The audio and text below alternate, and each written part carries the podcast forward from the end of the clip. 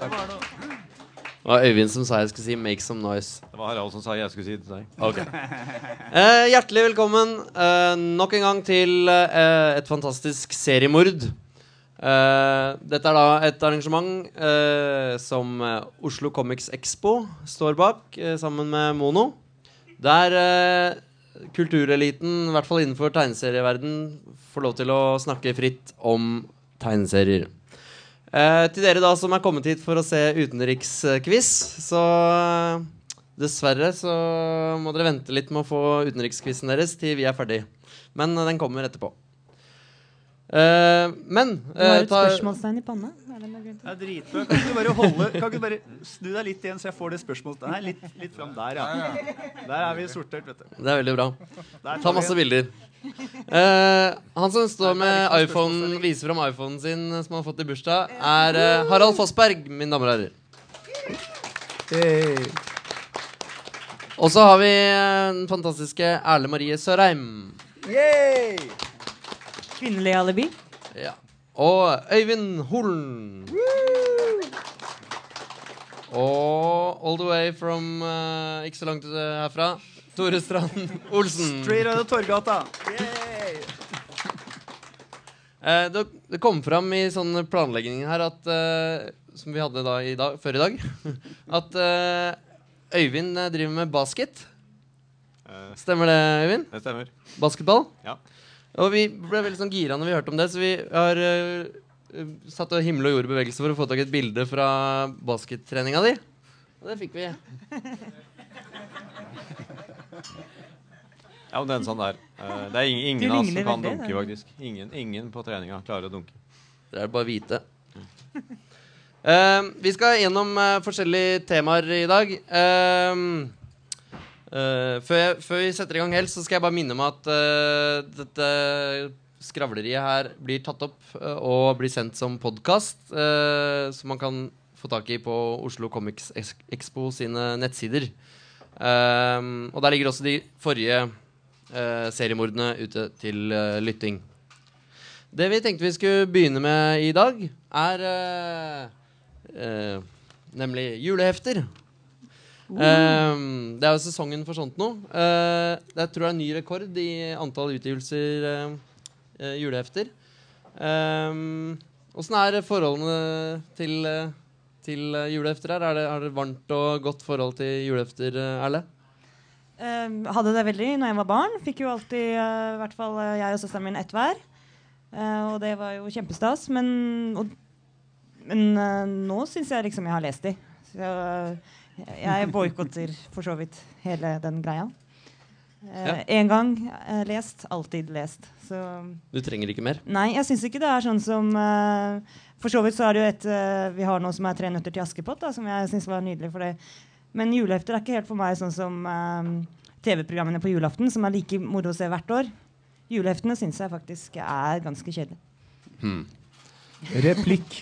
Replikk, vær så god. Det er, altså, julehefter er akkurat som pinnekjøtt eller ribbe eller lutefisk. Du bare må ha det ikke sant? én gang i året. Så det er sånn, Du kan ikke si at du liksom har spist lutefisk en gang, og så er vi ferdig med det. Det er eh, altså For meg så er det en sitrende spenning som sitter i kroppen allerede fra slutten av august. Begynner jeg å lure på sånn Å, jeg lurer på hvem som kommer ut med jul. Nei, det er ikke det. Er, kødda litt der, da. Men eh, generelt sett, julehefter fantastisk. Dritgøy å putte i postkassa til naboen. I hvert fall de dårlige. ja, det jeg syns er problemet, er at hvis det hadde vært samme historiene hvert år, så hadde det vært mye morsomt, for da hadde det vært som lutefisk. Det er- det eller er som jo det, det er programmene jo på Men det er sånne små variasjoner over samme tema. Sånn dritkjedelig. Du, liksom, du har, tror du har en sånn gjenkjennelseseffekt, og så er den bare tilsynelatende, og så er det noe annerledes. Så jeg syns ikke det er tradisjon i det hele tatt. Det er, Du vil at det skal være helt likt fra år til år, du. Ja, da er det tradisjon. Er du glad i julehefter, Øyvind? Uh, nei, det, det er jeg ikke. Eh, jeg, jeg jo Jeg likte det som liten en, en kort stund, men så, så når jeg anmelder, anmelder tegneserier i mange år, så er jo julaften alltid marerittet. For hvordan skal man liksom prøve å finne noe fornuftig å skrive om, og det er jo bare søppel. Er, problemet er jo at, at vi som elsker tegneserier og leser det hele året, blir jo litt frustrerte. For eh, når folk flest skal lese tegneserier, så, så er det når de dårligste kommer. Eh, eh, og, og, og vi får sånne ting som eh, Professoren, f.eks. Dette, dette skal, skal folk lese. Jeg skal lese en eh, jeg skal lese en eh, serie for dere. Det, det, professoren er den distré professoren. Og kona hans uh, gir han skjenn for han. Men Amandus, slår du asken i fløtemuggen? Han røyker sigar. Å, unnskyld. Jeg trodde det var sukkerkoppen. Ah. Så, så, sånn, sånn, går det nå. Men jeg skal også komme med et forsvar av juleftene. For de er jo, de er jo da De er uh, gjødsel som får det til å spire og gro. Det må vi ikke glemme. Uh, vi kan takke juleheftene for ikke bare én, men to gullaldre i norske tegneserier. Den første gullalderen i norske tegneserier sprang jo ut av juleheftene. Det var på den tiden tegneserier kom én gang i året. Knoll Tott kosta jo to timelønner for en industriarbeider det, i, tidlig. Og, og juleheftene var jo der hvor uh, altså Rett og slett et verktøy i nasjonsbyggingen og målkampen. altså Skomaker Beck, Nils og Blåmann, Smørebukk, Ingeniør Knut Berg, Vangskuta. Det, dette er den første gullalderen for norske tegneserier på, på 2030-tallet. Den andre gullalderen for norske tegneserier er jo også godt hjulpet fram av, av juleheftene. Eh, Pondus, Nemi, Eon, M osv. Alle, alle avishumorseriene ble jo godt hjulpet fram, fikk drahjelp når de fikk sine e-, egne julehefter. Og da, da fikk også julehefte en, en da, da, ble jeg interessert i julehefter igjen. For til å begynne med så var jo disse serieskaperne ganske mye arbeid i juleheftet sitt. Det var, det, var jo, det var, jo gjerne før de hadde egne månedsblad og sånn. Uh, noen gjør det fortsatt, alle andre blir det, uh, havner litt i den der fella der. Så jeg, jeg, vil heller anbefale folk som vil ha tegneserier til jul, så gå, gå, heller og kjøp julenummeret liksom, av, av, av, Pondus eller, eller Nemi istedenfor å kjøpe julehefte. Ja. Uh, Tore, du har gitt ut julehefte selv, har du ikke det? Ja, det, jeg gjorde den genistreken å gi ut et helt nytt julehefte med Helt nye figurer og alt. Så folk vil jo så gjerne ha nye, spennende serier til jul. Så det det var du som lanserte den nye typen julemiddag, var det ikke det? jo, men du, det var vel noen nisser og sånn inne i bildet, så det var ikke helt uh, Nei da, det var, jo, det var jo kjent materiale, for så vidt. Men. Er du glad i disse gamle heltene, sånn uh, Stumperud og sånn, da? Um, ja, altså det er, det er, jo tradisjon, da. Så det er liksom sånn um, det er som man, når man er liten, liksom. At det, man, man, er, man, man, er, irritert på foreldrene, men det er fint at de er der, for å si det sånn. Så Det ville vært trist hvis det forsvant, men, uh, men jeg, jeg, leser jo ikke. Nei. Vi har jo uh, noen gjengangere, som sagt. Og uh, Knolltott kommer jo i to utgaver hvert år. Det er jo mm. noen rettighetsgreier der. Sånn at det kommer ut som Kapteinens jul på ett forlag og Knolltott på et annet. Mye, det er, mye, det er mye, mye sommel eh, innenfor forsidedesign eh, i julehefteverdenen, og det skal vi se eksempler på videre. Men her er knollet tatt. Ja. Jeg har jo vært med på å rentegne litt sånne forsider fra, fra sånt. og den her er tydeligvis ikke rentegna. Jeg finne en annen løsning. De har lagt litt arbeid i å få sånn uh, skinneeffekt i globusen der. Det tror jeg tok litt ja. tid. det er én ting at det er to Knoll Tott-hefter i året, men det var ett år jeg telte opp at det var 25% av juleheftene var Disney-tegneserier. Så du får jo, det får jo Fant og Mickey Mus og Langbein og Langbein og Mickey Mus og Donald og Ole Brumm osv. osv. Du er ekstra glad i Fant, er du ikke det? Fant. Ingen, ingen jul uten Fant er, er, jo da det slagordet. Står det på russekortet ditt? gjør det ikke? Dessverre ikke, men, eh, men, det blir jo ingen jul uten Fant. jeg tror ikke det er noe fant heftig i år. Ja. Nei, så det blir nei. Kwanza på deg i år. Trist. Uh, Finnbekk og Fia er jo De er vi kanskje glad i, eller? Ja, det er jeg litt glad i, faktisk. For det minner meg om mine avdøde besteforeldre. For det lo bestefar av. Mm. Så der har jeg litt sånn eh, er, Der er jeg litt nostalgisk. Det, det, er jo faktisk en god del uh, tegneserieklassikere som gis ut i julehefteformat. Finnbekk og Fia er en av dem. Det, det, som er synd, er jo det, det er de heftene hvor vi bare får moderne søpla. Da. Snøfte Smith er jo et godt eksempel. Der får vi moderne utgaven. Mens den originale Bernie Google, eller den egentlig heter, mm. den, den, har vi jo aldri sett på norsk. Skipperen er et annet eksempel, hvor vi bare får, får liksom den igjen og igjen disse traurige greiene fra 60- 70-tallet. Mm. Tore, du har kødda litt med Finnbekk og Fia. Jo, jo. Det, ja, jo Nei, altså det, ja, det er jo det med Ja, den, ja. det, er, um, uh, altså det som er litt synd med de seriene, er jo at vi, vi, vi får jo ikke noen sånn ordentlige samlinger der vi kan lese dem sånn i uh, uh, altså sånn skikkelig samlebøker. Det kanskje fins en del av dem på engelsk. da Men Knoll og Tott for eksempel, har vært veldig morsomt Vi har masse samlebøker med Finnbekk og Fia på Tronsmo. Ja, akkurat. Men, men Knoll og Tott har liksom alltid savna de første åra der. Fra, fra det helt begynte til de begynte å bo på den der eh, Sydhavsøya. Det har jeg aldri lest. Det er, eh, det er jo én ting som vi bør nevne i forhold til det er denne kampen mellom Knoll og Tott og Kapteinens hjul. Eh, Kapteinens hjul kan jo kjøre i sirkler rundt Knoll og Tott av den enkle årsak at det er en usedvanlig morsom oversettelse.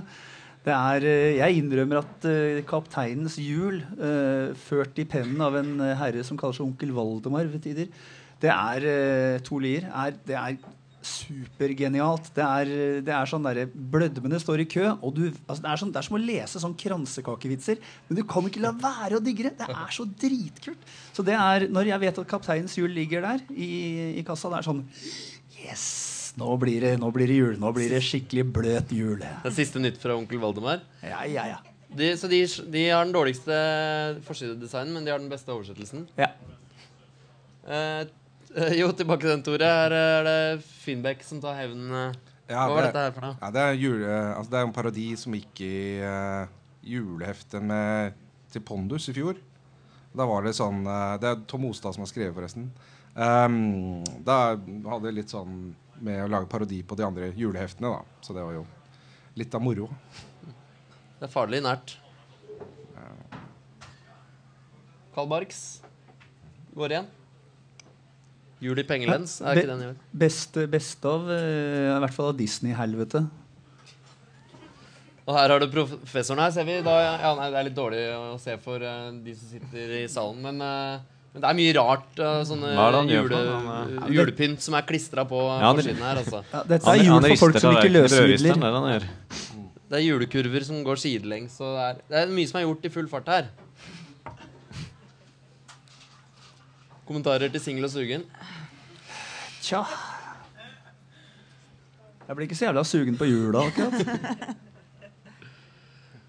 Det, det artige med alle de nye norske seriene er jo at de, de prøver i hvert fall å få inn et juletema. Det er jo alltid det som fascinerte meg med mange juleheftene, hvor lite jul det var i, i mange av seriene. Sånn som Chipper'n og Snøfte Smith og Billy og, og alle de gode, gamle amerikanske humorseriene er vel på vei ut av markedet? ikke det? Billy, Rødøye og Hvor ble det av de? Kan ikke de kan ikke de få de tilbake? Eller kanskje ikke?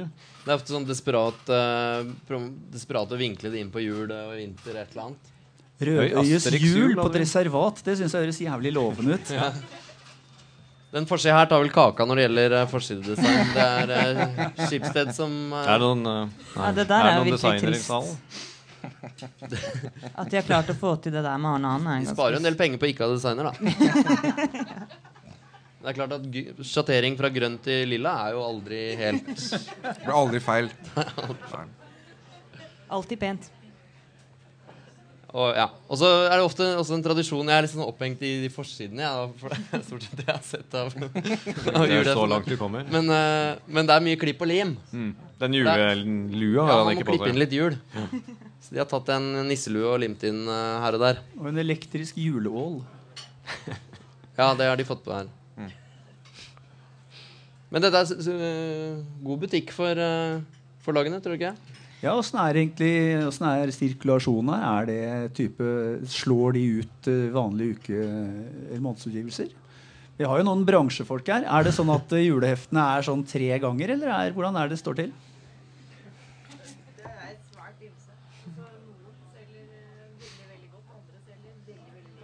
Det er derfor man gir ut jeg 100 000 sånn forskjellige titler. Men sånn opplagene, altså er det sånn at du trykker opp minst eh, dobbelt så mange julehefter som vanlige Altså Pondus julehefte kontra Pondus blad? –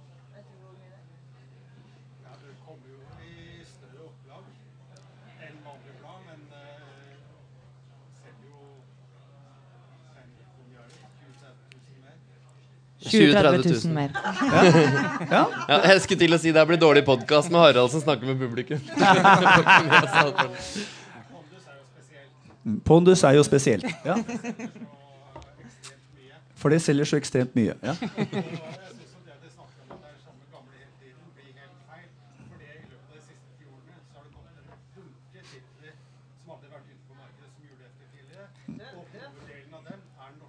Det vi det vi har snakker om, er helt feil. feil. Vi har fått, vi har fått Jeg føler jeg mister grepet litt på eh, programlederrollen min. Men, men det, Eh, handler jo mye om å liksom gi ut altså, De to forla, hovedforlagene drukner jo helt markedet. Så det handler jo forretningsfilosofien er jo å slenge så mye dritt på veggen og se hva som sitter fast. Ja, Det er det er ekstremt mange utgivelser ja. i år, og det er, men det har da kanskje Dette er vel bare halvparten, er det ikke? Ja, jeg fikk ikke Eggmont sine helt fram. Men Eh, for forlagene så er det en slags sånn julebordsesong. ikke sant? Du, du selger jævlig mye julehefter, du selger jævlig mye lutefisk og pinnekjøtt og ribbe.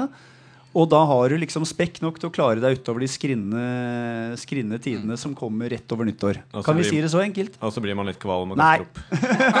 så er det Nei, mange som, mange som ikke leser tegneserier van til vanlig, da, som uh, får med seg eh, Og så må jeg ikke Ja, gjøre det resten av året. For det. For da har de fått Hvis jeg bare hadde lest julehefter, så ville jeg jo aldri gjort det igjen antagelig. Da. Det, Skal vi se, da har det blitt noe bedre i år, da. Det, er, det, er noen, eh, det kommer noen nye ting eh, underveis også. Uh, og i år har det vært noen sånne litt rare adopsjoner. Uh, 'Lillebror og Knerten', som var, var til suksess på kino, er blitt julehefte. Uh, noen som har titta på det? Eh, ja. Forsiden der skremmer jo livet av enhver unge. vil jeg si. ja, det er sånn, der, det er sånn lokkemannen. Det er sånn eh, det er sånn nummer før Han er liksom litt for ung til å være lommemann, men det er sånn 'Kom og se på knerten min!' Det er dritskummelt. På pinna mi. Nei, sorry, ass. Den der eh, i, I serien adopsjoner i år så har det vært et sånn bunnår i forhold til adopsjoner. Det eneste som er oh, Den er jo fin. da. Altså, fin på, fin på TV! Suger altså, den, er, den er oversatt av en eller annen syvendeklassing på lim. Det er uh, vanvittig Det er, skre, altså, skrekkinngytende, disse her eh, liksom-adopsjonene av ting som har vært bra på kino og TV.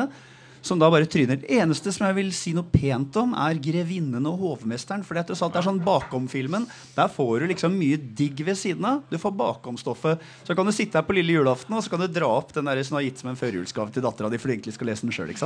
Så, så sitter du og blar igjen og sier sånn «Hu, hu, hu, 'Nå har jeg lært meg å lage mullikatoni-suppe'. Den syns jeg er dritkul. Men de der andre Knerten, give me a fucking break, ass. Det er Treåringer kommer til å le av den og kaste den. Å, den er fin. Ja, vi har jo disse her nye hva skal jeg si, nye norske seriene også som, eh, som har gjort det en tradisjon å lage egne juleblader. Eh, sånn som M og Eon og Pondus selvfølgelig og sånne ting. Du, du eh, var veldig glad i Eon. Ja, altså, det er, Jeg er alltid bekymra for tegnere som tydeligvis er veldig eh, inspirert av rusmidler. Men jeg synes at For å se på den julestjerna der, han har sikkert spist en 20 sånne før han begynte å tegne dem. Og det er tydelig at det har gjort, gitt seg utslag i hans eh, kreativitet.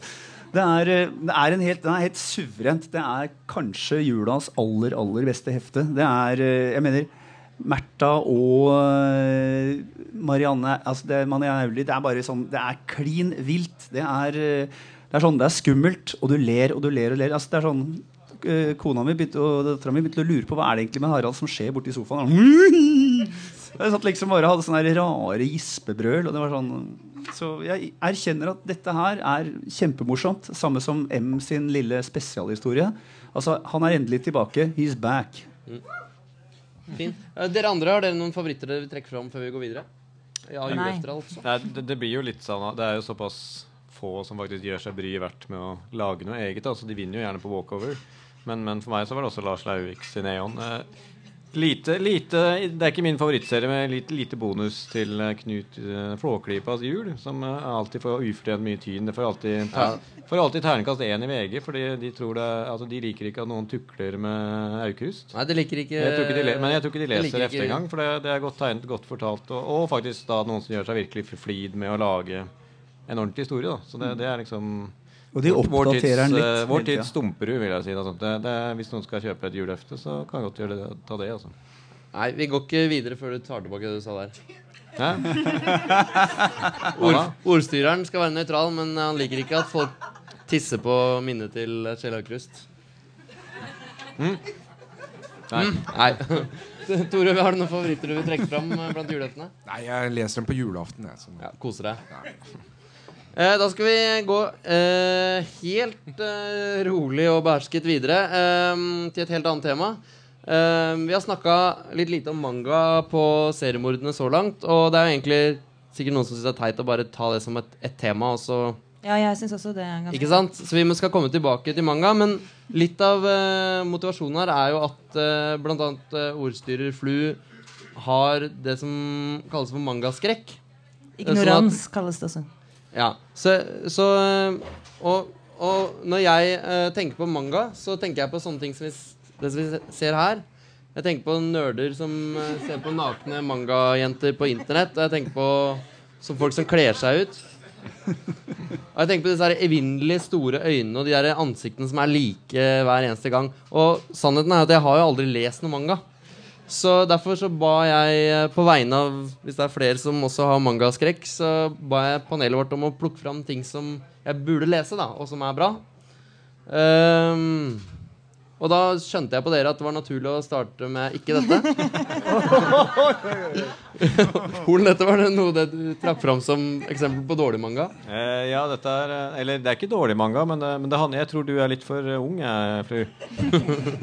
Fordi eh, jeg, jeg, jeg vokste opp med liksom den første oversettelsesbølgen av, eh, av engelskspråklig manga. Altså japanske serier som er oversatt til engelsk på slutten av 80-tallet. Og det var liksom de store klassikerne da, i, i voksenmanga. Det var Lone Wolf and Cub, Akira, Crying Freeman osv. Uh, den, den bølgen kom jo nesten ikke til Norge i det hele tatt. Så var Gen gutten fra Hiroshima tror jeg var den eneste mangaen som ble oversatt til norsk på 80-tallet. Så da kom den nye, manga, den nye mangabølgen som kom til Norge på 2000-tallet, var helt annerledes. Den var eh, retta hovedsak mot først unge gutter, og så tenåringsjenter og, og gutter. Da, og, og da, da, følte meg, da følte jeg meg som Per Haddal som anmelder dataspillfilmer. For, for det, det, var, det var vanskelig å sette seg inn i. Altså, dette var fjortiserier. Det var liksom Der er jo sånn Tuppen og Lillemor uh, Jentemanga. i Japan. Ja, det er typen og Lillemor. Det er liksom Men det var jo særlig jentene som ble rammet av den sinnssyke mangafeberen som kom da, for noen år siden. Og det merka vel både var, nei, det, det, er ikke, det er ikke helt riktig. For det er også, også gutter som leste Dragon Ja. Ball og, ja, og, og, eh, Mesterdetektiven Konan osv. Ja. Men, men jeg var jo for stor for disse her. da Men jeg prøvde liksom å ta dem Prøvde å ta dem på, på alvor. da Det var jo mye bra, men, jeg skjøn- men, men du, du, du faller ikke for dem hvis det er over eh, 14-15, liksom. Tore, du holder tegneseriekurs. Og du merka vel eh, mangabølgen brått Ja, altså blant eh, elevene dine? Ja, ja, men altså alle som har sånn tegneseriekurs, forteller jo det at det er liksom, hvis det kommer tenåringsjenter og de har lyst til å lage tegneserier, så er det manga alle sammen vil lage. Og det er jo også altså, Når jeg vokste opp, så var jo tegneserie en guttegreie, og det er jo sånn Nå er det 50-50, da. Og det er veldig mye Manga er liksom en stor del av det, da. Og, Vi skal se på det første som dere ville trekke fram når eh, dere skulle liksom lære meg opp i, i, i bra manga, var jo uh, denne karen. Tezuka. Hvem vil begynne? Nei, det regner jeg som uh, på min uh, topp tre-liste av tegneserier. Osamu Tezuka. Ja, altså Buddha Én til åtte. Det syns jeg er helt storslagent og Ja, kan du forklare hva altså, Kan Altså, du det er jo om en han veldig, eh, veldig eh, bred Uh, innføring i Buddhas liv, og med ekstremt mye dekning, uh, diktning. Og det høres jo innmari kjedelig ut. Det høres litt sånn Robert Crumps Genesis-aktig ut. Men han har lagd et sånt vell av personer uh, og historier, og så er det hele tiden tro. Hvis du har en bitte liten buddhist eller hinduist i deg, så syns du også det er ganske sånn viktig og fint også. Altså, jeg syns hele budskapet der er nydelig, og gråt masse.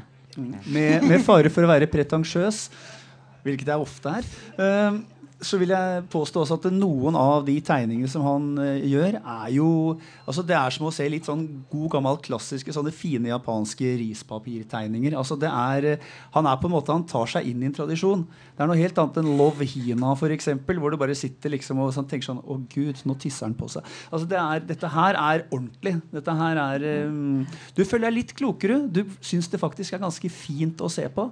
Og altså, ja, dette her er, dette er Japan fra sin beste side. Det som jeg også syns Unnskyld. Ja, det er, han ser jo ut som en av figurene sine. Den er jo fantastisk. Eh, at han har disse humoristiske, enkle, eh, meget enkle tegningene inni disse rispapirbakgrunnene ofte, og virkelig klarer å jobbe med eh, kontraster i forhold til eh, enkle slapsticks. Han tegner ofte inn sånne eh, nesten sånne trekantpersoner bak som gjør noe morsomt og tryner litt på et bananskall nærmest. Mens det går noe, f f eh, hender noe sånn utrolig seriøst og dypt noe i, eh, på, i fremsiden av tegningen. Altså det, det funker veldig, veldig bra. Jeg syns han er en, eh, en To- gud. Tore han er blitt kalt for uh, mangaens far eller Ja, mangaens teg- Tegneseriens gud. Er det det han ble kalt? Ja, det er ikke måte på. Nei, nei. Det har liksom en, eh, han har eh, den aller høyeste posisjonen da, i eh, japanske tegneseriehierarkiet. Jeg tror sånn om unnskyld, men om eh, 500 år at han kommer til å bli en sånn ny Mohammed. da At uh, Buddha er liksom den Men det er uh, Tetsuka er hans sendebud. Okay. Ja. Det er mye nakne folk som løper rundt uh, her. Jeg skjønner ikke helt uh, opplegget. Det er før de oppfant klær. det. Ok.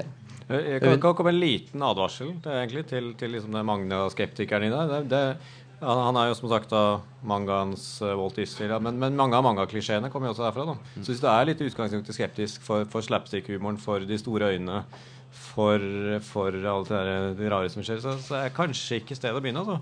Eh, Nei, det kan oppfattes som litt barnslig også.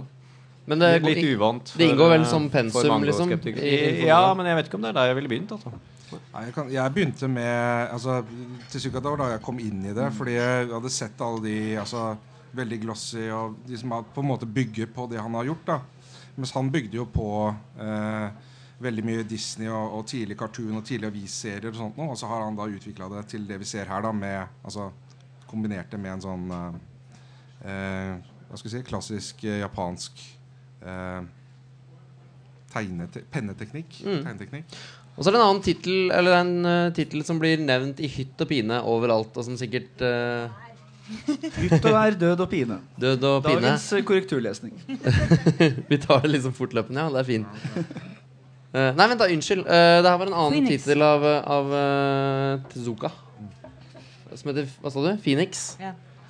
Fort, hva er det for noe? Å, det går ikke an å si fort. Det er så mange bind, og det er denne fuglen som flyr gjennom tid og Det er en fugl som flyr, flyr gjennom tid, ja. Ok, Kult. oh, uh, hvem eh, vil uh, gi, gi meg en rask beskrivelse av hva dette her er for noe? Lone Wolf and Cub. Uh, jeg kan godt gjøre det. Det var her jeg begynte min, min mangaperiode, egentlig. Eh, disse bladene kom jo ut på, på, på amerikansk på slutten av 80-tallet med, med omslag tegnet av Frank Miller, så det lurte jo liksom mange da, sånne harde Batman-fans. Han lagde jo også da tegneserien Ronin og alle disse uh, ninjaene som er, er, er, er, i, i eh, i eh, Daredevil kommer jo, kom jo også derfra. Men dette, dette er jo liksom tegneseriens Akira Kurosawa. da. Tegneserien Sju samuraier. Det er ni, en 9000 sider lang eh, historie om, om den herreløse uh, samuraien. Hvordan uttaler du det? Ro... Ja, Ro- Ronin. Ronin. Rona. Rona. Rona. Eh, og, og ja, Ito Ogami, da, som, som uh, istedenfor å ta uh, harakiri eller seppuku, begir seg ut på, på hevnens vei. Da. Uh, og, og det er jo fortalt da Den er 9000 sider, men den er fortalt i enkeltstående historier, så det går an å lese litt på det her og, her og der. Mm. Uh, typisk uh, japansk uh, fortellerteknikk, hvor man liksom da har øyeblikk av sånn eksplosiv voldsballett. Paret da med store innslag av sånn poetisk skjønnhet innimellom dette. Dette er jo voldsballetten. Ja. Men, men, men her, er, her er jo dette er vel, Den er vel laget på 70-tallet. Og, man har jo da gått litt vekk fra denne storøyde mangastilen. Det, er mer- det er jo mer realistisk, mer filmatisk. Tore, han nevnte Frank Miller. Ja, han er jo veldig Råne. Ja, ja, han er. Frank Miller er veldig inspirert av, av Longwood Frank Cub og, og andre japanske serier. Og det har han jo brukt i veldig mye av seriene sine. da. Ronin er jo veldig altså, eksplisitt. Det er jo sånn blanding av, av samurai Mm. og eh, science fiction. Og her er jo fra Daredevil, da. Så det er et eksempel på at, eh, at man har henta inspirasjon fra Japan, men så går det andre veien. Ja, det går begge veier. Altså, manga er jo tegneserier, så det er jo sånn, jeg syns det er veldig rart med folk som sier de ikke liker manga. Fordi, altså, ja, Liker du bande dessinée, liksom? Liker du comics? Det er jo bare Det, er Det betyr bare tegneserier, ikke sant? Ja, ja.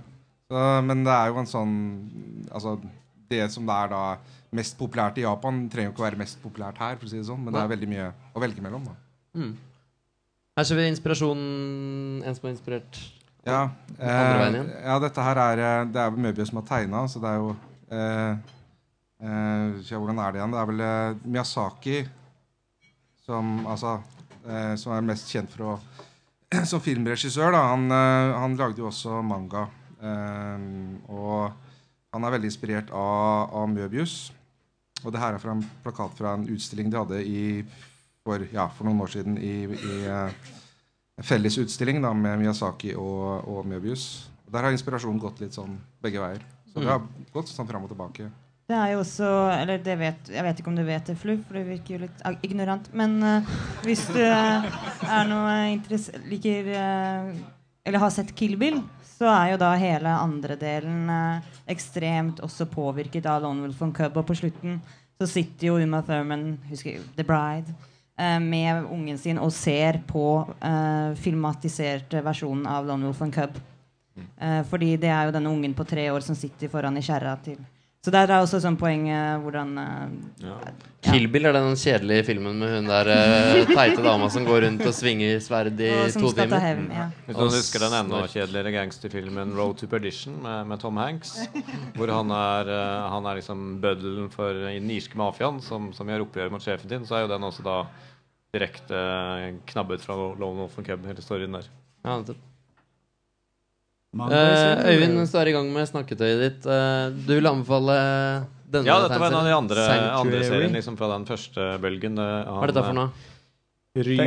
Ryochi Ikigami, eller hvordan de uttaler det. Han er jo tegneren her som hadde sto bak mange serier, også da sammen med forfatteren av Lone Wolf Cub, en av superstjernene i mangaene på 70- og 80-tallet. Eh, dette er jo serien Sanctuary. Dette er jo serien for de som egentlig skulle vært på utenriksquiz, føler jeg. Eh, for dette, dette handler om, om japansk hverdagsliv da, på, på 80-tallet. Eller hverdagsliv, det var litt feil. Dette er, det er rett og slett to, to, to eh, foreldreløse kompiser som inngår en pakt tidlig i, i barndommen. At de skal liksom nå toppen av det japanske samfunnet. Så slår de vel jeg husker ikke, de slår mynt eller et eller annet sånt tilfeldig. Den ene bestemmer seg for å gjøre en karriere innen mafiaen, yakuzaen, og den andre bestemmer seg for å gjøre en, en karriere innen politikken. Og, og fascinerende er jo at liksom, polit politikken og, og, og mafiaen er jo omtrent like hensynsløse. Så, så man lærer jo veldig mye av japansk etterkrigspolitikk i den der, hvordan det dominerende partiet, L LDP er det vel heter, det er lenge siden jeg leste det der nå, uh, har dominert hele og, og nesten framstilles her som en, eh, som en mafia, den også styrt, styrt av gamle menn. da. Så, altså, dette er også da en sånn veldig generasjonsopprørsserie. Det, det, er, unge Japans opprør mot de gamle menn som, som fortsatt styrer. Både da i, i, på det lovløse og på de lovgivende siden. Var dette også 172 bind, eller er det Eh, ikke så mange, men den, den varer og går. Og det, det som var litt frustrerende med både Lone Wolf Cub og, Sanctuary, når jeg leste, var jo at forlagene stoppet litt opp underveis. Mm. så, så blant annet Lone Wolf Cub måtte jobbe, vente i 15 år for å lese slutten på. Så det, det var jo litt uh, slitsomt. Mm. Takk for tipset. uh, på vegne av alle oss Uh eh, Mangafobe. mangafobe. Eh, Erle, du også ville, du ville trekke fram Uzumaki. Utsumaki. Utsumaki. Mhm. Hva er dette Det for noe snart? helt, helt riktig uttale. Um, jo, den er også veldig praktisk på den måten at det bare er tre bind, og ikke 172. Så dette kan du faktisk klare å lese på en hei. Og det er uh, horror uh, så altså, Spiralhorror. Det er vel en egen sjanger sjanger Ito lagde. Hvor det, å stå og dusje og se vannet gå ned i, eh, i sluket blir ganske skummelt etterpå. For her er det en fantastisk variasjon av spiraler på alle mulige hemske måter.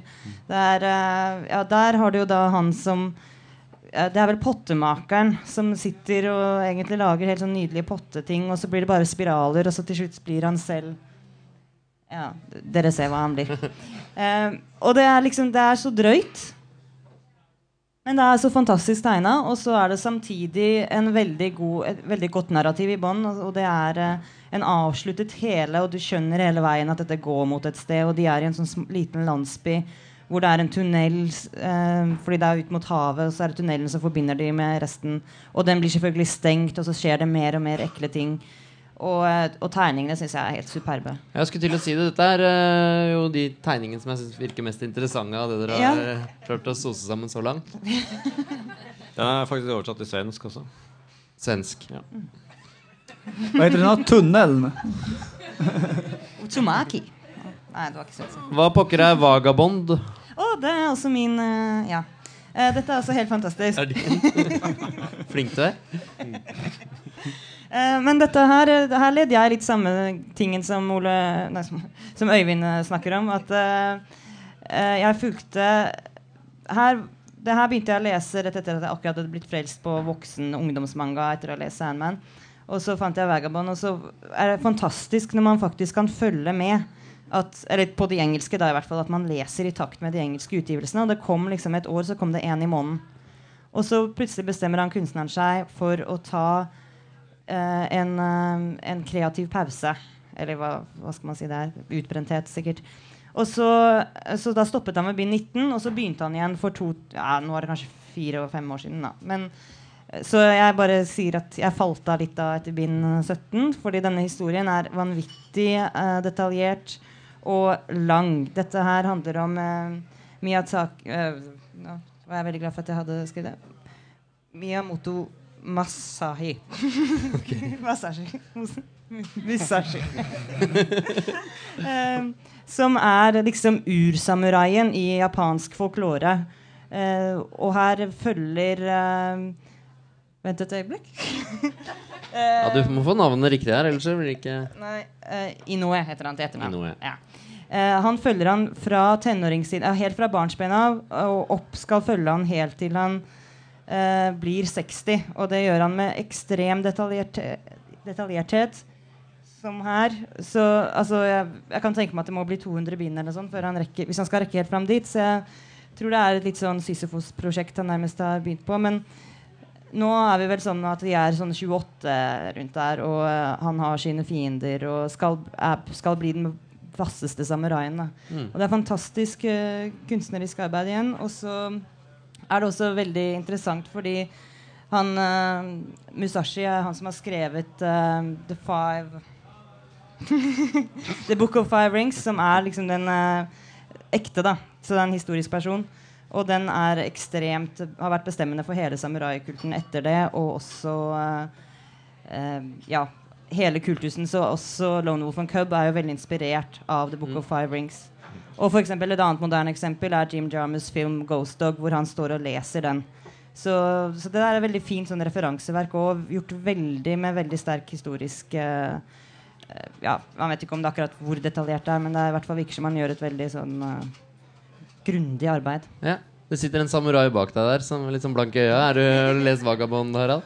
Nei, det har jeg ikke. Jeg har, jeg har kommet på Lone Wolf and Cub, men Samurai ja. den har jeg ikke. Beklager. Uh, ja, har flere Det kan være en fordel å være interessert i sverd eller jentetruser hvis du leser manga. Det, det.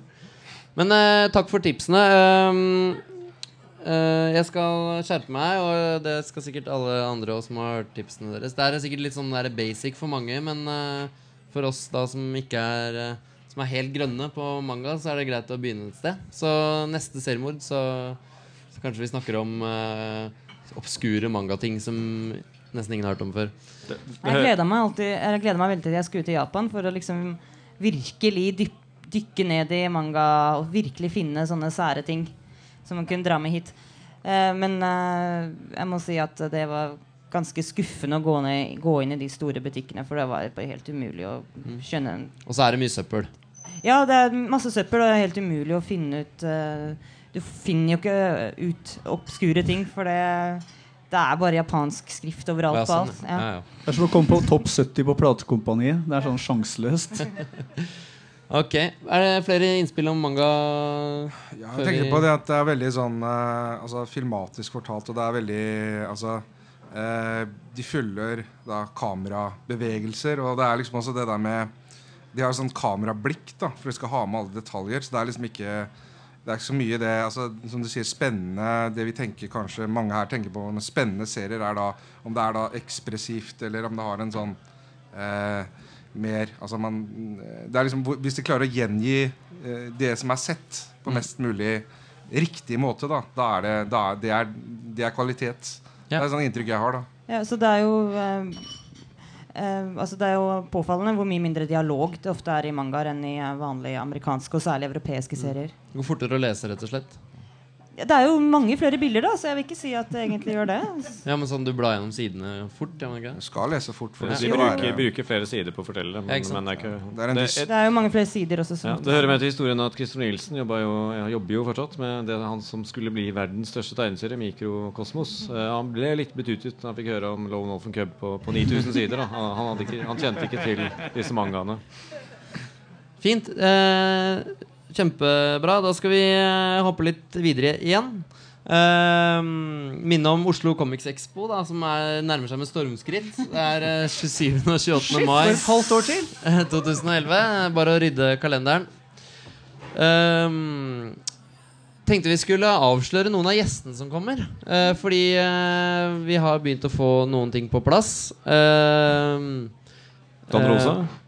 den, den, den første jeg har lyst til å eh, Don Rosa? da. Don Rosa kommer ikke i år. Det er i feil by, min venn. Um, du tenker på Kraptusfestivalen. Ehm, vi skal til uh, den første gjesten som jeg har lyst til å vise fram, og det er um, en ung, kjekk, uh, up, uh, up and coming eh, kar. Tore Strand. Ikke Tore Strand Olsen. Mort, Mort Walker? Det er denne utrolig handsome eh, fyren her. Han heter Dashaw. Shaw. Dashing? Dashy kaller du han. Ja, Dashy, Dashing. folkens. Han eh, har det vært mye oppstuss om eh, i USA de siste åra, for han er så flink. Eh, han har annet lagd den her, 'Bottomless Belly Button'. Den tror jeg Øyvind vet mye om. Ja, jeg har lest den. Eh, han, eh, apropos eh, lange tegneserier som, som den, er, den er 720 sider. Eh, dette er jo typisk da liksom den, denne generasjonen serieskapere som kanskje er, er vokst opp på Eller er- kommer i kjølvannet av, av folk som Craig Thompson og, og Paul Pope. Eh, veldig produktive. De, som går, de, de bryter liksom helt med den gamle heftetankegangen. da Så de setter seg ned for å lage sånne svære magnum eh, opus som dette her. Jeg, jeg må innrømme at jeg, jeg ble imponert av denne, men ble også litt skuffet. Jeg ble altså veldig skuffa. Jeg bestilte den der og satte meg ned med rødvinen og gleda meg stort. den er eh, godt laget, men, godt laget men, men, men den har liksom ikke storyen til som gjør at den fortjener 700 sider. Nei, for du tenker 700 sider, så bare oh, yes! Og så var det, det var jo- sånn- kunne kunne vært vært 350. Ja, nå var det jo før min kamp, da. Så det- den er jo litt sånn altså det, er jo, det, det, er en, det er en fortelling om et gammelt ektepar som skal skilles plutselig etter 40 års ekteskap. Og så tvinger dette barna deres til å gå litt i seg selv og sånn. Og, så, og sånn. Og så finner Sånn man vel egentlig dagen. aldri ut hvorfor de Det var noe veldig skuffende der, husker jeg. Ja, det er liksom ikke noen grunn Det er til at de skiller seg. Nei, så det, det bygger seg opp, og så faller det bare Eller det bare flyter ut. Ja, jeg, jeg oppsummerte den jeg, jeg anmeldte den oppsummerte den vel som et, som et hverdagslig antiklimaks. Du venter liksom på sjanger. ja, ja, ja, men den er ikke Den er ikke Altså Dere får betalt av Oslo. Comics Expo for å være her. Dere skal rose dere, Meningen er at dere skal rose alle Men gjestene. vi så potensialet. og Dette her- blir en fin gjest, dere. ja. Men dette var, dette var liksom debut, eh, debutboka, da. Ja, Tar seg godt ut på bildet. Mulig å få signert en T-skjorte. Han er jævlig kjekk. Eh, så Snakk for deg så kom han med bo, eh, Og så er det, har vi Bodyword Ja. World, eh, som vel var et nettbasert prosjekt, egentlig, men som er kommet i, i bokform. Eh, noen som har lest den? Ja. Det This er is- sjuke greier, altså. This is where it gets interesting. er Ikke vel sant? ordet. Nei, jeg leste den. Jeg, det er, Du skjønte ikke bæret? nei. eh, det er sånn stygge tegninger, syns jeg. Så det var eh, Dårlig for festivalen, altså. Det er som å lese manga baklengs. Ja, Altså. Don Rosa skal vi ha istedenfor. Han lager historier som folk Hvor- kan like. jeg, trodde, jeg trodde det var en sånn Lager opp ender. Ender vi kan kjenne igjen. Ja. Jeg trodde det var en eller annen feil òg, for den altså, alt var jo trykt sidelengs. Ja, det er en merkelig format, den boka her. Eh, og det har vel noe med å gjøre at den ble lagd sånn Og den ble lansert på nett først. Og den ligger liksom gratis ute på nettet. Eh, men eh, nei, jeg, Jeg er ikke helt enig i dere at den er eh, Eller jeg syns den var kjempefin. Utrolig snåle greier, da. Ja, mye, bedre, mye bedre enn den. Men, men det igjen, da, det, det er ofte sånn i tegneserier at du har, du har et veldig talent da, som ikke alltid blir Jeg er ikke, jeg er ikke helt i mål ennå, liksom. Det, er- det er veldig spennende og veldig godt laget og sånn, men, men det, er mye, det er mye fikse ideer underveis, da. Også, så Mm. Ja, det, det er jo veldig mye eksperimentering er mye med form, formspråk Ja. og sånn. Eh, I denne historien her så er det bl.a. om en, et dop som uh, sprer seg i en sånn lite merkelig samfunn. Uh, som gjør at man tenker Eller at man opplever hverandres tanker eller noe sånt. Og det er illustrert ganske fiffig, så man skjønner liksom hvordan det dopet fungerer, da. gjennom tegningene. Uh, men det det er det er, jeg ble ganske blåst i huet når jeg leste det. Ganske annerledes enn noe annet jeg har sett. Dere andre, har dere noe kjennskap til Jeg har bare sett coveret av den. Så. Ja, Nei, okay. Det er godt. Det er verdt å sjekke ut. Interessant er vel ordet. interessant fint. Men det, det, den er, den er, det er en mann å merke seg. Altså. Det er ingen tvil om. Ok. Vi, vi kan jo hø snakke litt med han uh, til våren og høre hva han uh, Why are you not Don Rosa? Er Why are you not Don Rosa? Ok, vi, vi prøver oss igjen med en gjest. Uh, uh, dette er en uh, litt eldre fyr. Mort Walker. En gammel Ja. En gammel, gammel hippie. Gammel hippie. Eh, Tony Millionaire. Veldig visst. Eh, som, er, som er kjent bl.a. for tegneserien uh, Makis. Ja. Noen som har lest seg opp på det? Jeg prøvde. Jeg liker best Det er veldig irriterende format når man jobber i bokhandel. Disse Ja, han har gitt ut disse her lange stripesamlingene Utrolig sine. sånn eh, harde permer og lange altså, du får, Kan du si noe pent om han, Erle? Ellers så ryker eh, honoraret ditt. Eh, De måkene har jo litt sånn mangaaktige øyne. Da. De er litt sånn store, fine øyne. Det er fint. Jeg, jeg, jeg intervjuet han, så han hadde jo for følgende anbefaling at Makis var for eh, fulle gærninger som ikke har noe imot tegninger av vaskebjørner som driter i hodeskallen til en ape. Det, det var hans beskrivelse av, av Makis. Ja. Nei, men jeg syns det er god humor. Det er fine, Ja. morsomme ting. Han er sånn uh, veldig inspirert av disse gamle tegneserieavisstripene fra gullalderen, og så blander han det med, med ny uh, undergrunnstematikk. da Han er vel alkis-versjonen av Chris Ware, tror jeg vi kan si. Ja. Uh, han er en drita full Chris Ware. Eller, ja, han, han er, innrømmer selv at han er alkoholiker. Ja. Det- og, og Han lager veldig liksom om- rette ruter allikevel. Ja. Uh, han er nok uh, Han har sikkert fått noen til å tegne rutene for seg, og så bare ta noe og Kanskje. dem ut etterpå. Han er inspirert av havet og, og, og sjørøvere uh, også. Ja, veldig mye, av- veldig mye sjørøveri. Så her er uh, Sock Mon Monkey, som også han har lagd, da. Jeg, så en artig, jeg leste en sånn samlebok med en som jeg fikk låne. Med, så jeg begynte jeg da en eller annen grunn bakerst å lese meg framover. Jeg syns den boka ble bedre og bedre. Ja. Trodde det var manga du leste? Nei, men altså han, eh, han, han, eh, han er en av de som da var bedre før. I hvert fall i mine øyne. Ja. Han, han er jo også da veldig inspirert av liksom disse klassiske barneboktegnerne. Da. Mm. De, de, de store. Og men med litt sånn dystre innhold. Det er vel mest sett Det er som å lese gamle barnebøker med, gjennom liksom delirium, eh, omtrent. Altså, det Mm. er sånn eh, På absint, kanskje. Jeg vet ikke. Det, det er eh, det er, det, er, det er noe veldig spesiell altså, Det er en veldig spesiell stemning i, i serien hans. Da. Det, det er litt sånn uh, surrealistisk, marerittaktig bakgrunnsstemning. Yes. Eh, og så tredje gjest som jeg skal eh, har fått lov til å avsløre for eh, folket, er eh, en av mine personlige favoritter gjennom alle tidene. Don Rosa. Don Rosa. Niks. Nei, det er en, en, en Kanskje som er litt sånn tegneserietegnernes favoritttegneserietegner. For mange, i hvert fall. Men eh, det er denne mannen her. Ser dere hvem det er? Dave Cooper. Dave Cooper. Så han kommer til Oslo i, til våren. Uh, og ja. eh, hvis dere Ja, hvis dere spør rundt blant eh, kollegene, så er det nok mange som har han som, som sin favoritt blant tegnere. Nå ble jeg litt skuffa.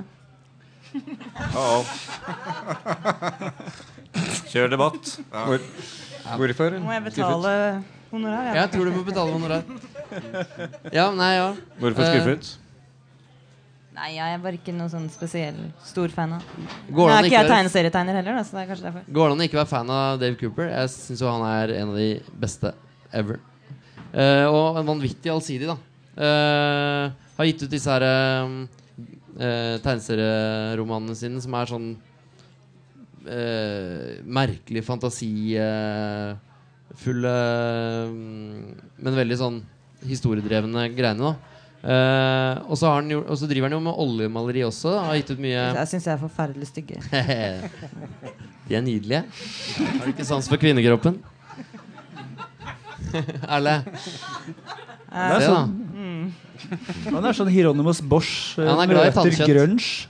Det er litt sånn der, eh, ja, det er sånn subpop møter hallusinerende nederlandske malere som absolutt burde holdt seg unna substanser. Men han har en fantastisk spennvidde, da, og virkelig altså, Streken hans kan man jo ikke si noe på. Det er få som er klarer å være så allsidige og Ja, variere så mye. Han har gitt ut alt fra barnebøker som vi ser her, til eh, da ganske sånn seksuelle, personlige greier med iskrem, eh, orger og alt mulig. Eh, veldig sånn allsidig, da. Det er ikke noe gærent i det. Han har vel aldri gitt ut på norsk? er han det? Nei. Niks. Nærmeste vi har kommet, er vel Kristoffer Schou og Øystein Rundes 'Margarin'. Så er jo Ja, veldig, er litt, veldig eh, Dave Cooper-inspirert. Men det er mange som er inspirert av Dave Cooper. Ja. Og eh, alle disse tre her er jo tilknytta I hvert fall eh, gitt ut en del ting på Fantagraphics. Og, så Fantagraphics også er, kommer til å være representert på festivalen. da uh, Kim Thomsen, redaktøren der, er uh, en av de som kommer. Så vi skal gå liksom, i dybden på det briljante eh, forlaget da som ikke bare gir ut de beste sånn alternative tegneseriene, men også har liksom tatt ansvar for å gi ut uh, alt fra Knøttene til Mickey Mouse uh, i, på ordentlig måte. Så det skal bli spennende å møte de folka. Og ingen har imot Fantagraphics. Nei, Da nei, det er ryker det fantastisk. rett ut. eh, Kan, kan vi da, i, siden dette er også skal podcastes, så kan jeg lage en sånn jævlig soundbite-aktig ting. Altså, eh, Oslo Comics Expo er på en måte, kan du si, øya og Monterey, mens derimot uh, Craptus er uh, slags Kvartfestivalen med ett bein. Ja, hør, hør. Det er godt. Spredt applaus. Det likes. Selv, eh, selv eh, liksom indre, indre kretsen her er skeptisk til gjestene vi får. Ja, ja, sånn- ja. Så alternativ. Jo, men herregud, den dagen du får boredoms til å liksom headline, så veit du at du er på gang. Eh, vi skal over til å Vi snakke tar, om vi, Oslo Comics Expo tar jo da inn de mest kredible tegneserietegnerne, som da ingen Ingen kommer for å se, da, antakelig. Ja, ja. De kommer nå lell. Eh, vi skal over til noe Vi skal titte innom et annet fenomen som har skjedd den siste tida. Uh, det var mange som ble eh, veldig glad når uh, Ronny Haugland plutselig skulle begynne å lage tegneserier igjen. Han ble nemlig spurt av Dagbladet om å lage en gjestestripe til, til avis, tegneseriesidene. Og eh, da dro han fram denne gode gamle Anna, som eh, mange da kjenner fra Eller som Forresten-leserne visste godt hvem var. Fordi uh, Dan Stuck han har gått i, som serie Forresten i, i, i mange år. Men eh, plutselig dukket han opp i i, eh, i dagspressen. Og da var det mange som reagerte usedvanlig, usmakelig og støtende. Eh, Ikke, det var ikke noe komma mellom usedvanlig og usmakelig der. Nei, det er, det er altså usedvanlig usmakelig. Av, i gra innenfor graden av usmakelig så var den usedvanlig usmakelig. Uh, ja, er, er eh, Ja, det her var da uh, Foreningen for Downs syndrom som reagerte fordi de mente var å henge ut eh, folk med Downs. Er dere enig i at det er en uh, usedvanlig usmakelig og støtende tegneserie? Mm, Nei, dette er jo typisk det som på engelsk heter knee- knee-jerk uh, reaction. Altså en refleksreaksjon. Da. Altså, men han skal ikke kunne altså, Konsekvensen blir jo at det ikke er lov å lage tegneserier med, med psykisk utviklingshemmede. uh, hvis man, og iallfall ikke eh, ha, ha det moro med dem. Da. Nei, Det, det, er jo, det- det er jo litt rart hvor mange tomsinger det går an å lage te- tegneserier om. Da. Rødøye, snublefot, kark Snøftesmitt. Jeg mener, smitt, herregud, altså, han Men så lenge de ikke har noen diagnose Jens så er von det liksom greit. Busten Det er show. diagnosen som er Null, problemet. nullet i billig. Det er ingen som Ja. protesterer på dem. Men, men med en gang det er en søt liten and som har Downs syndrom, så, så er ikke det lov, da. Så, så jeg, jeg har ikke sett satt meg så nær. Men Ronny Haugland har jo alltid visst at dette kommer til å bli bråk. Han har skjønt det på seg. Ja. Han, har, han har skjønt det fra første stund. Og tok, måtte bare få noen uh, lesere først før det skjer. Men, men, men, men, men det er jo helt Det er hel automatikk i det. Uh, uh, og, og, men Jeg har ikke lest kritikken så nøye, men kritiserer man liksom akkurat hva som er problemet? Eller er det at, Nei, de, de føler at det er å at man ler av dem? Ikke? sant? Ja. Jeg tror også det er litt den derre gamle Ja, som det, gamle holdningen med at tegneserier er for barn. da så at, Og at man skal ha Altså Det skal helst gli ned så lett som mulig, sånn som i mange av det i de gamle juleheftene her. Som at det er sånn Det skal helst ikke Det skal ikke, eh, det skal ikke være noen mottaker på vei ned, liksom. Det skal bare eh, konsumeres. da Men den her er jo en serie som man må eh, Altså eh, gjerne tenke seg litt om. Dette Harald syns, syns det er rart at folk øh, reagerer. Jeg mener at Downs Duck er på en måte det jeg kan kalle en diagnoseserie. For at det han gjør altså Hvis du ser på liksom storylinen i, i Downs Duck, så er det sånn at han tar for seg egentlig bare sånn helt hverdagslige temaer. Men det som han gjør som er feil, er det at han har brukt øh, et øh, Altså en, en, øh, en and som da skal være har en diagnose. Altså, det, er, det er omtrent det samme som Husker den der puser-greia? Hvor man da tok og fjerna kan du si, puser og lot han der eh, duden bare si ting ut i lufta. Da ble det er sånn, plutselig da, ble det sånn der, da skjønte du plutselig at oh shit, han fyren der er forstyrra. Altså, han, prater, han prater med ingen. Det er, eh, det, altså, så, nei, jeg syns det er en bra serie. Uh, og funker fint. For at den, den forteller også noe om hva som kanskje er litt gærent med oss generelt sett. Det er Mm. bare at uh, han har brukt en and med downs, og dermed så blir det sånn oh, fysj, dårlig flagg, dere, folkens. For rent statistisk så må det jo være Downs syndrom i Andeby. Blant, Do. Naturlig. Tenk han på alle de fetterne og kusinene. Han er jo glad i å provosere, da, Ja. Ronny. Den her kom noen dager etterpå, all oppstussen.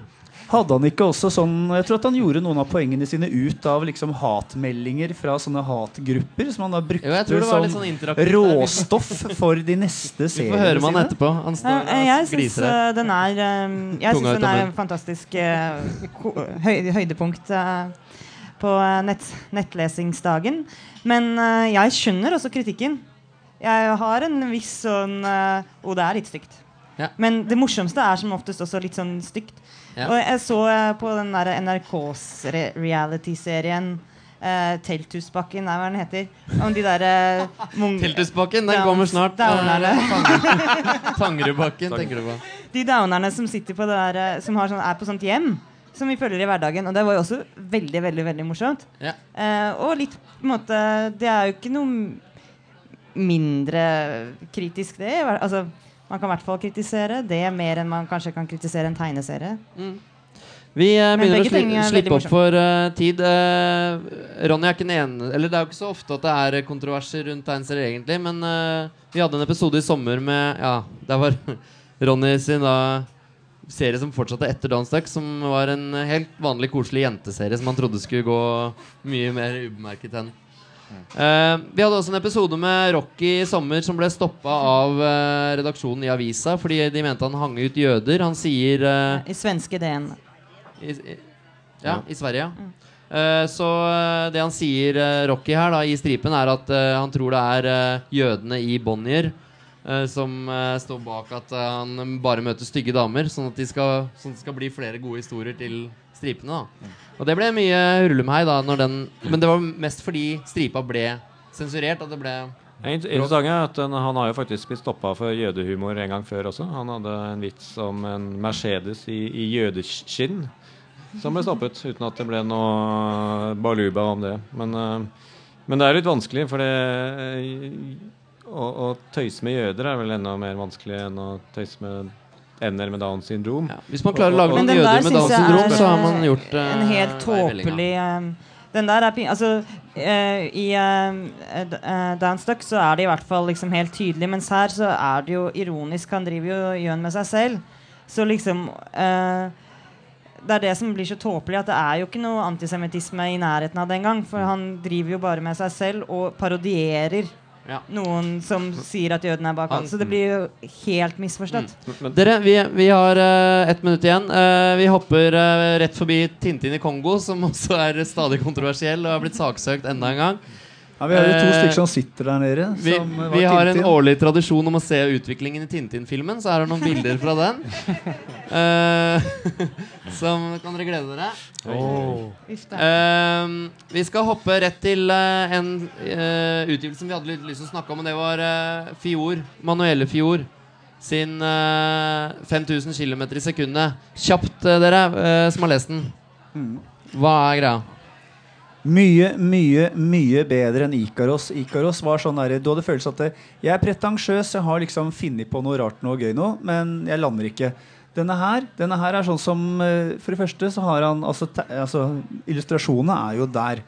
Det har han alltid vært. Men storyen er bare ti ganger bedre. Han har plutselig liksom skjønt at shit, jeg må lage en story. Og det gjør han bra. Og han er i Italia, han er i Egypt, han er i Norge. Og du ser hvordan Nok jeg har vært i Egypt, men det er hvordan han fa fenger, fanger stemningene på de forskjellige stedene med farger og Altså, han er på Nesodden, og det er så utrolig bra tegna. Og så er det samtidig en uh, romantisk historie som går Altså, det er veldig For meg er den der ekstrem Cinema Paradiso-inspirert. og du har det akkurat det samme lange tidsaspektet med de to som eh, er barndom, ungdomskjærester, og som måtte møte hverandre igjen lenge etterpå. Du gråter en skvett, og det er for uh, kvinne og barn, ung og gammel, en eh, nydelig fortelling. Og um. Er det årets, uh, årets, årets julegavetips? Ja, det, du har jo akkurat skrevet det rett før. Ja, det var med, spørsmål, var med spørsmålstegn. ledende, ledende spørsmål. Eh, Årets, årets julehefte. Vi skal møtes igjen, vi skal møtes igjen snart, altså. Uh, vi gjengen her. Uh, og blant annet snakke om uh, tegneserieadopsjoner, Erle. Og Skalpt, uh, Øyvind. Og mange andre ting. Uh, men dessverre så renner tida ut. eh, og eh, det er, kunngjøringene denne gang er eh, som følger at eh, eh, Terje Thorsen eh, fra Tronsmo har jo vært med i panelet vårt før. Han skal lese dikt sammen med The Mormons, er det riktig? På Garasje etterpå. Så det kan være kult å få med seg.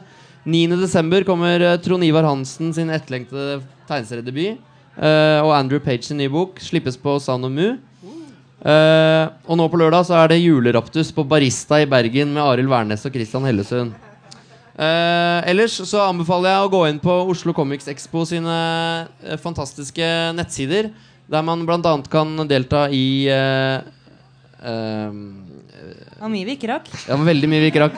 Der man da kan delta i, i debattforumet vårt eh, og diskutere videre. Men også da laste ned denne podkasten og mange andre fine ting. Lese program til festivalen osv. Uh, et siste hyl dere har på hjertet før vi runder av, folkens? Det blir sånn nye telt på Oslo Comics Expo, så det blir sånn stort messeområde. Så det Ja. kommer til å bli veldig fint. Det blir veldig bra, og denne gangen skal ikke regnet gjøre tegneseriebladene våre våte. Blir det festivalcamping? festivalcamping? Men uh, da uh, takker jeg så ydmykt eh, for eh, deltakelsen til disse fantastiske menneskene. Make Og- some noise. Make some noise. Og ja, takk. Takk, Flur. Veldig bra. Og eh, vi seriemordet er tilbake før dere aner det. Eh, eh, de som vil ha julehefter, kan komme og få det her umiddelbart etter vi har slukka. Takk for oss. Yay. Og de som har lyst til å gi oss bråk og deng, så står vi sikkert borti et hjørne her, så dere kan gi oss en blåveis eller to. Vi, vi tar imot det neste.